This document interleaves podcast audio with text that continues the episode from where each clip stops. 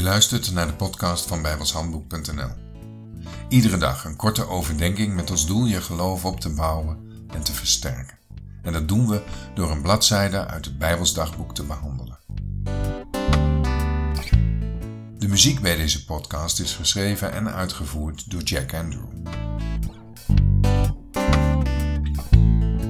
Het is vandaag 7 februari en ik wil beginnen met het lezen van Johannes 12, vers 24 en 25. Waar staat: Voorwaar, voorwaar, zeg ik u, indien het tarwegraan in de aarde niet valt en sterft, zo blijft hetzelfde alleen. Maar indien het sterft, zo brengt het veel vrucht voort. Die zijn leven lief heeft, zal hetzelfde verliezen. En die zijn leven haat in deze wereld, zal hetzelfde bewaren tot het eeuwige leven.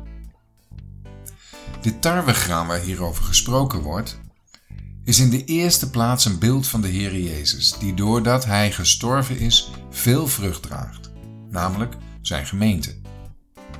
In het Hebreeuws is het woord voor tarwe verwant aan het woord voor zonde. Het tarwegraan wordt hier vergeleken met de natuurlijke mens, die met zonde belast is. In de eerste instantie dus een beeld van de Heer Jezus die voor ons tot zonde gemaakt is. Indien hij sterft, brengt het veel vrucht voort. Het blijft niet bij sterven. Het uiteindelijke doel is vrucht dragen.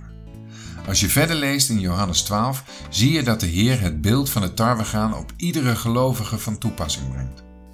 Die zijn aardse leven lief heeft, zal hetzelfde verliezen. En die zijn leven haat in deze wereld, zal hetzelfde bewaren tot het eeuwige leven. Er is dus sprake van twee soorten levens. Een natuurlijk lichaam wordt er gezaaid en een geestelijk lichaam wordt er opgewekt. Staat in 1 Korinthe 15 vers 44. Een natuurlijk lichaam is tijdelijk aards leven.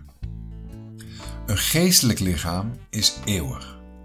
Opstanding en wedergeboorte brengen beide eeuwig leven voort. Ze zijn synoniem Wedergeboorte is gelijk aan opstanding, maar omgekeerd is het daarom nog niet waar. Opstanding is nog geen wedergeboorte.